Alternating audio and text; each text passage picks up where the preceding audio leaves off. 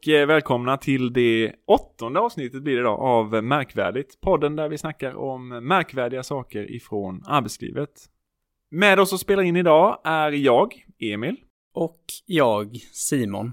Och idag har vi ett, eh, ja, lite av ett specialavsnitt. Idag har vi inga gäster här, utan idag ska vi prata lite om karriärval.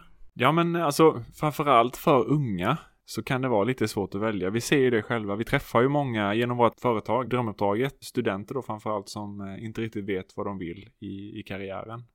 Men vi vill ju göra det så enkelt som möjligt för er där ute så att vi har ju sammanställt lite förhoppningsvis konkreta tips. Vi får se lite, Mhm. vi ska snacka lite om, om området och försöka ge er vårt perspektiv på hur man kan välja karriär.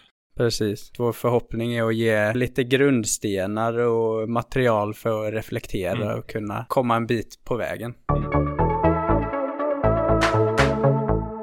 Men vad ska man börja då, Emil? Ja, då tänker jag att man börjar med sig själv. Mm. man, börjar, man börjar genom att kolla inåt. Man tar en rejäl funderare på eh, vem man är som person och vad Mm. man är bra på. De flesta skulle jag vilja säga är bra på någonting. Mm. Eller har liksom en, en fallenhet för någonting. Man kanske har ett intresse för någonting. Ja. Brinner man för någonting och är väldigt engagerad. Så varför inte försöka skapa en karriär? ja, precis. Se till ens egna intressen och den personen man själv är. Vad har man fallenhet för vad skulle man kunna sitta och eh, tråka ut kompisarna med och prata Ja. om i, i timmar liksom Mm. utan att, att känna att det finns något slut. Nej, nej men precis. Och precis som du säger med personliga egenskaper också. Inte bara vad man är bra på utan faktiskt eh, hur du är som person. Det finns ju olika teorier kring det här men jag tänker mig att när man hamnar i en situation, eh, i ett jobb eller i ett sammanhang där man måste skilja på sin personlighet väldigt mycket. När du bryter från den du är eh, och liksom är tvungen att anpassa dig för, för sammanhanget så finns det en risk att man, man skapar en hel del liksom stress för sig själv och Mm. man blir väldigt trött och så för att man, ja men till exempel kanske måste, man tvingar sig själv att bli mer utåtriktad än vad man faktiskt är. Bara en sån grej och det är ju väldigt utmattande. Mm. Och då är det ju väldigt viktigt att man väljer ett jobb där man ja, känner sig bekväm och passar med rent personlighetsmässigt. Är man väldigt analytisk då, då kanske man till exempel ska jobba med ett mer analytiskt jobb där man jobbar med konkret data, siffror liksom. Sen för att spinna på, på det lite mer och inte stänga några dörrar för er där ute så är det ju det finns ju en viss stereotyp ute i världen som Mm. att alla personer som är så här, Mm. de ska vara i den här rollen. Mm. Och eh, man får inte heller låta det begränsa en. Nej. Att om omgivningen hela tiden går och säger till dig att nej men du är ju på det sättet så att du ska sitta här borta. Mm. Då kommer ju helt plötsligt normen bli att alla som är på ett visst sätt ska ha en viss roll. Mm. Och eh, jag tror att det kan hindra folk från att utveckla sig och, Ja, och hamna i roller där de faktiskt skulle prestera jäkligt bra eller trivas i på sikt om man bara tog sig chansen att satsa. Mm. Så där har man ju lite Mm. den här balansen mellan titta på personlighet och Mm. vad du har liksom anlag för om man får säga så. Och så balansera det mot vad är dina intressen och vad tycker du skulle vara riktigt jäkla kul liksom. Mm. Ja men precis, alltså man får ju ändå, som vi säger, kolla inåt. Ta det med sig själv på sätt och Mm. vis. Att man, alltså man får inte påverkas allt för mycket av stereotyperna. Och det, det tar ju oss in på nästa Mm. subtopic här och det är ju eh, tester. För jag kan tänka mig att Mm. är du någon som eh, har huvudbry nu angående just eh, att hitta jobb eller söka karriär. Då kanske du har googlat det här. Vad bör jag eh, jobba som eller eh, karriär och så vidare. Och det kommer bli jättemycket så här. Ja men gör det här testet så får du reda på vem du är. Eller gör det Mm. testet, sen gör du det testet, sen gör du det testet. Jag skulle inte vilja säga att vi är emot tester. Men man ska ju ta det med en nypa salt. Det här är ju liksom en, en riktlinje snarare. Snackar man om till exempel ett personlighetstest så kanske man bör ta det som en riktlinje snarare än att ja men så här är du.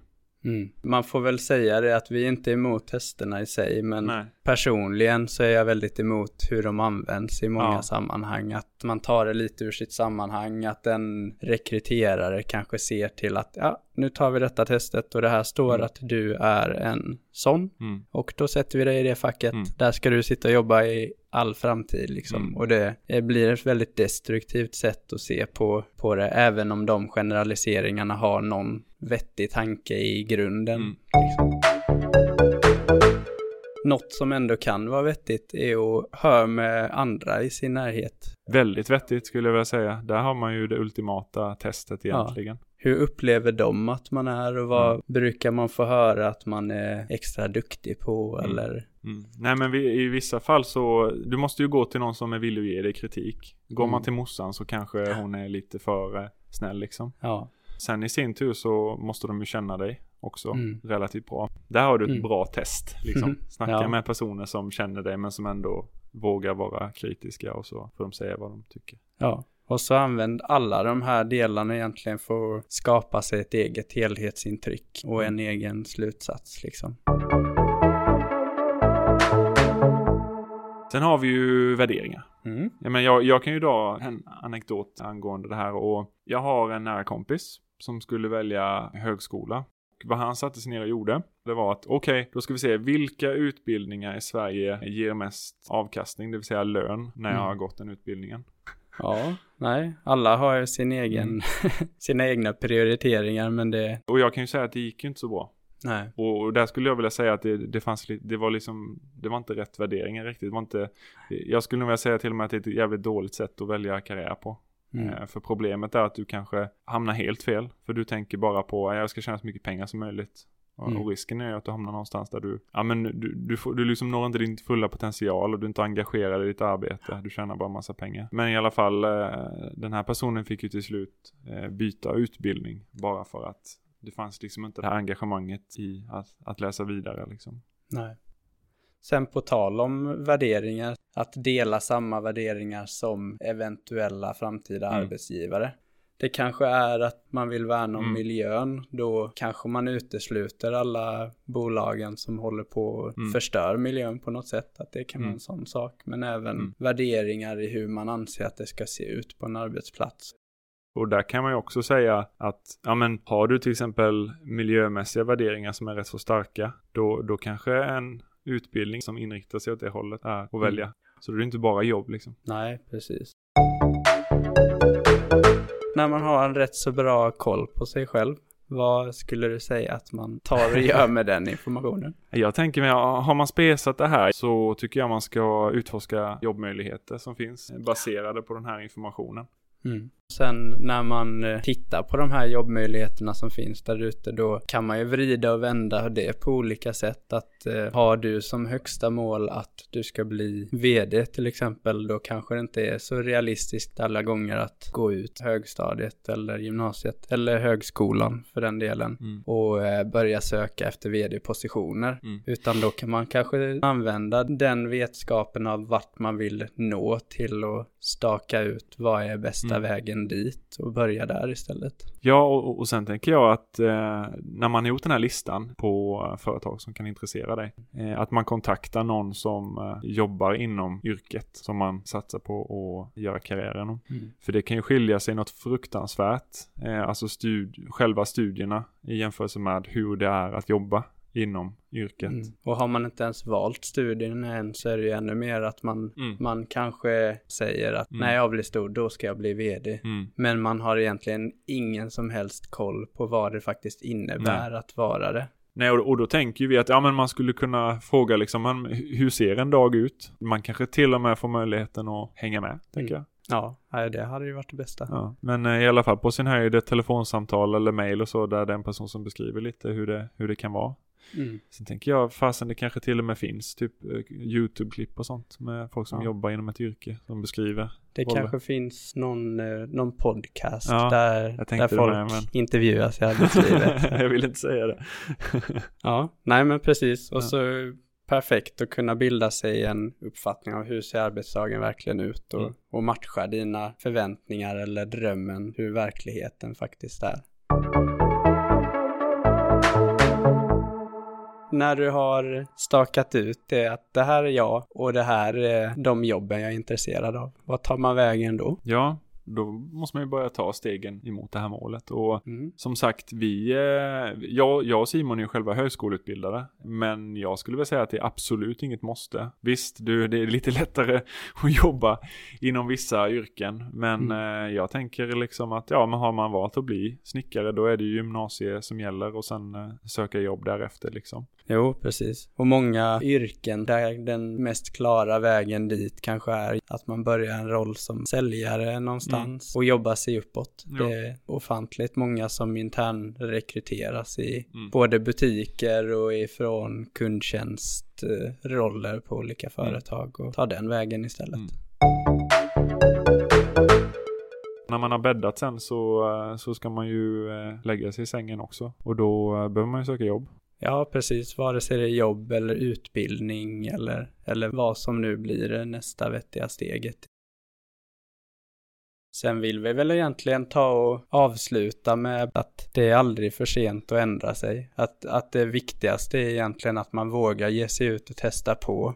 Ja. Och försöka hitta någonting att sträva efter mm. istället för att sätta sig på händerna liksom och mm. inte göra någonting. Det finns alltid möjligheter att, ja men att gå igenom halva yrkeslivet mm. och, och byta karriär eller läs något år på högskolan och mm. märka att det här var inte kul. Jag tar och byter till något som mm. är mer rätt. Ofta så är det ju först när man liksom gett sig in på något och börjar som man verkligen kan bilda sig uppfattningen om, ja. om det är det som är rätt. Ja, nej men absolut. Och, och, nu har vi ju snackat mycket om högskola och gymnasie och ja, men nästan lite ta första stegen i, i karriären. Men, men du som lyssnar på det här och kanske vill byta karriär och inte vet till vad. Eh, det är ju samma process. Det är mm. ju liksom, ja men det här med att ta hjälp av andra, det här med att eh, liksom göra en lista utifrån informationen man har och lägga upp jobb, kanske träffa någon som jobbar inom ett yrke för att se hur det är. Det stämmer ju för dig också. Mm. Och då har vi kommit till eh, segmentet på podden där vi snackar lite om roliga annonser och andra kuriosa från eh, arbetslivet. Eh, och idag har jag passande med mig 30 jobb som kommer försvinna i framtiden. Så nu, nu har vi en lista här med jobb som ni inte ska som söka. Inte ska, ska söka. Och, och, de har till och med en, en procentsats för hur stor sannolikheten är att jobbet försvinner inom 20 år. Då. Först på listan har vi fotomodeller. 98% chans, eller risk, att de försvinner. Är det de här AI-figurerna som tar över världen? Nu kanske det, du som lyssnar inte har sett det, men det finns ju sådana här, eh, som Simon säger, AI-figurer eller typ animerade figurer på Instagram till exempel. Och jag tänker att, ja men ge det typ fem år till så kommer ju de vara fotorealistiska. De är ju nästan mm. fotorealistiska nu, men inom fem år så är det de typ det. Och då finns det ju ingen anledning egentligen att anställa en, en dyr fotomodell. Nej. Här har du en fotomodell som aldrig sover, som du inte behöver flyga in liksom. Vad du behöver egentligen är bara, alltså knappt en schysst bakgrund. Du kan ju animera bakgrunden också. Mm. Sen kanske tekniken är dyr, men den kommer ju också utvecklas med tiden. Så ja, jag förstår det. Mm.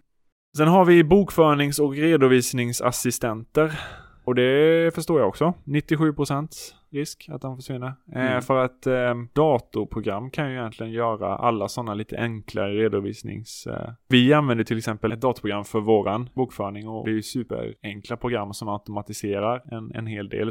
Sen har vi maskinoperatörer. Mm. 97%. Nej men det förstår man med robotarnas framfart så uh, det blir ju mer och mer. Alltså maskinerna i sig automatiseras liksom och, och robotiseras. Alltså hela industrin. Och det är första steget är att de, de grejerna som alltid kan göras på samma sätt de droppar av men sen skulle vi ta en lista 50 år i framtiden då kanske det rent utav blir en slags eh, simulerad kreativitetsprocess och så, ja. som genererar bättre idéer och kommer till bättre beslut än vad, vad vi skulle ta. Mm. Vi har försäljare inom detaljhandel. Det är ju en sån grej och det förstår man ju också. Med e-handeln som växer, jag vet inte hur mycket varje år liksom. Mm. Eh, kanske inte finns butiker i framtiden. Övrig kontorspersonal. Ska du jobba på kontor kanske det är bra att ha utbildat sig och spe eller specialiserat sig och eller. Mm. Montörer med industrin som kommer förändras. Eh, maskinförare. Eh, vi har mm. sett en del på högskolan när vi jobbar mot eh, byggnadssajter till exempel. Där alla de här stora maskinerna i stort sett körs automerat. Mm. Slaktare, bagare och konditorer. Den var lite så ändå. Jag tänkte det är en sån, men visst alltså när man tänker på det. Det är ändå en, en linjär process. Om de kan 3D-printa liksom marsipangubbar på tårtorna så mm. försvinner ju den craften. Mm. Agenter och förmedlare. Vi är ju på sätt och vis förmedlare. Ja. Men det är bara 81,7 procents risk att de försvinner. Nej, håller vi tummarna. Jag har ju sett en annan sån här lista, det motsatta egentligen. Vilka jobb är det som kommer finnas kvar och svåra att byta mm. ut? Och då tror jag präst var högst upp på listan. Mm. För det är jättesvårt att, att byta ut det där empatiska, religiösa liksom. Ja. Det är just det det handlar om, liksom, förutom tron, att, att jobba nära människor liksom och, och hjälpa till. Jo, precis. Nej men det var allt jag hade med mig för den här gången. Vi kommer ju som vanligt länka li- listan i eh, poddbeskrivningen. Så Mm. här finns ju 30 jobb som ni inte ska välja då. Om ni tror på list. Ja, om ni tror på statistiken. Liksom. Ja. När man väl tar eller tagit ett jobb så har eh, Norran listat fem saker som du kommer ångra om 20 år om du eh, väljer att leva efter det i karriären. Ja. Den första då är förnöjsamhet. Du har ett jobb som är okej, lönen är okej, arbetskamrater och förmåner är okej, men eh, vad du egentligen skulle vilja ha är... Punkt, punkt, punkt. Mm. Det är väl det här att sträva efter att hitta ett jobb som man verkligen trivs med. Mm. Att jobbet, att arbetsuppgifterna och absolut inte minst arbetskamraterna är ett team som trivs ihop och att det blir Ja, man spenderar ändå åtta timmar per dag med de personerna minst och då är det Ja, bra om man precis. trivs tillsammans. Tro att du kan förändra ditt jobb. Så här står det. Precis som i ett förhållande går du in i ditt jobb med tankarna det här är det bästa stället om bara. Det är en varningsflagg. Är du inte högsta hönset på stället är dina möjligheter att förändra fundamentala fel mycket små. Mm. Om man är i den positionen att man är på väg att välja ett jobb så kanske man ska ta en extra funderare Mm. om man väljer jobbet under förutsättningen att ja men det här blir ett jätteroligt jobb om bara allt det här Mm. är helt annorlunda. Mm. De här tycker att man ska gå vidare.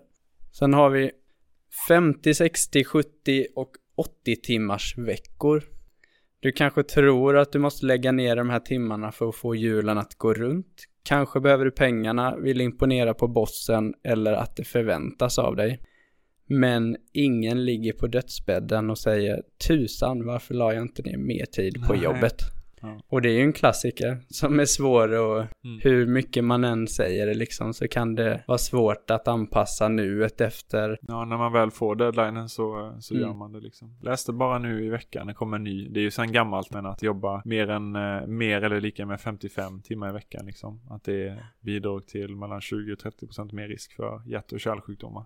Mm. Så det är ju inte bara att man går miste om tiden utan du riskerar att dö liksom. Ja, Det- jo, precis. Det är betydligt fler timmar Ja. som faller bort. ja.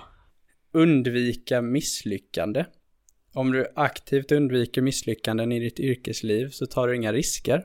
Mm. Och medan du förvaltar det du har så kommer du inte heller att bli belönad för detta. Så ta risken, gör misstag, lär och gå vidare.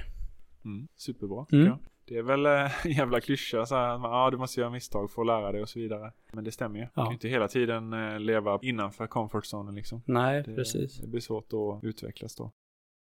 Avslutningsvis, att inte värdesätta din egen glädje.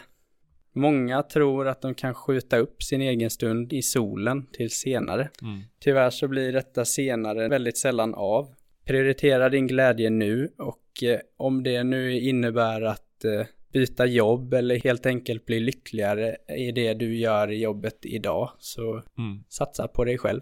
Det är med superbra. Jag tänker så här. Eh, nu kanske det är så att, ja men exempelvis om du ska läsa, om du ska studera. Att, ja men det kanske inte är så jävla kul. Fast det, jobbet är jätteroligt. Så Mm. då, då kanske man ska härda ut. Ja. Men jag tror eh, i många fall så är det lite så, eh, exempelvis bland studenter att man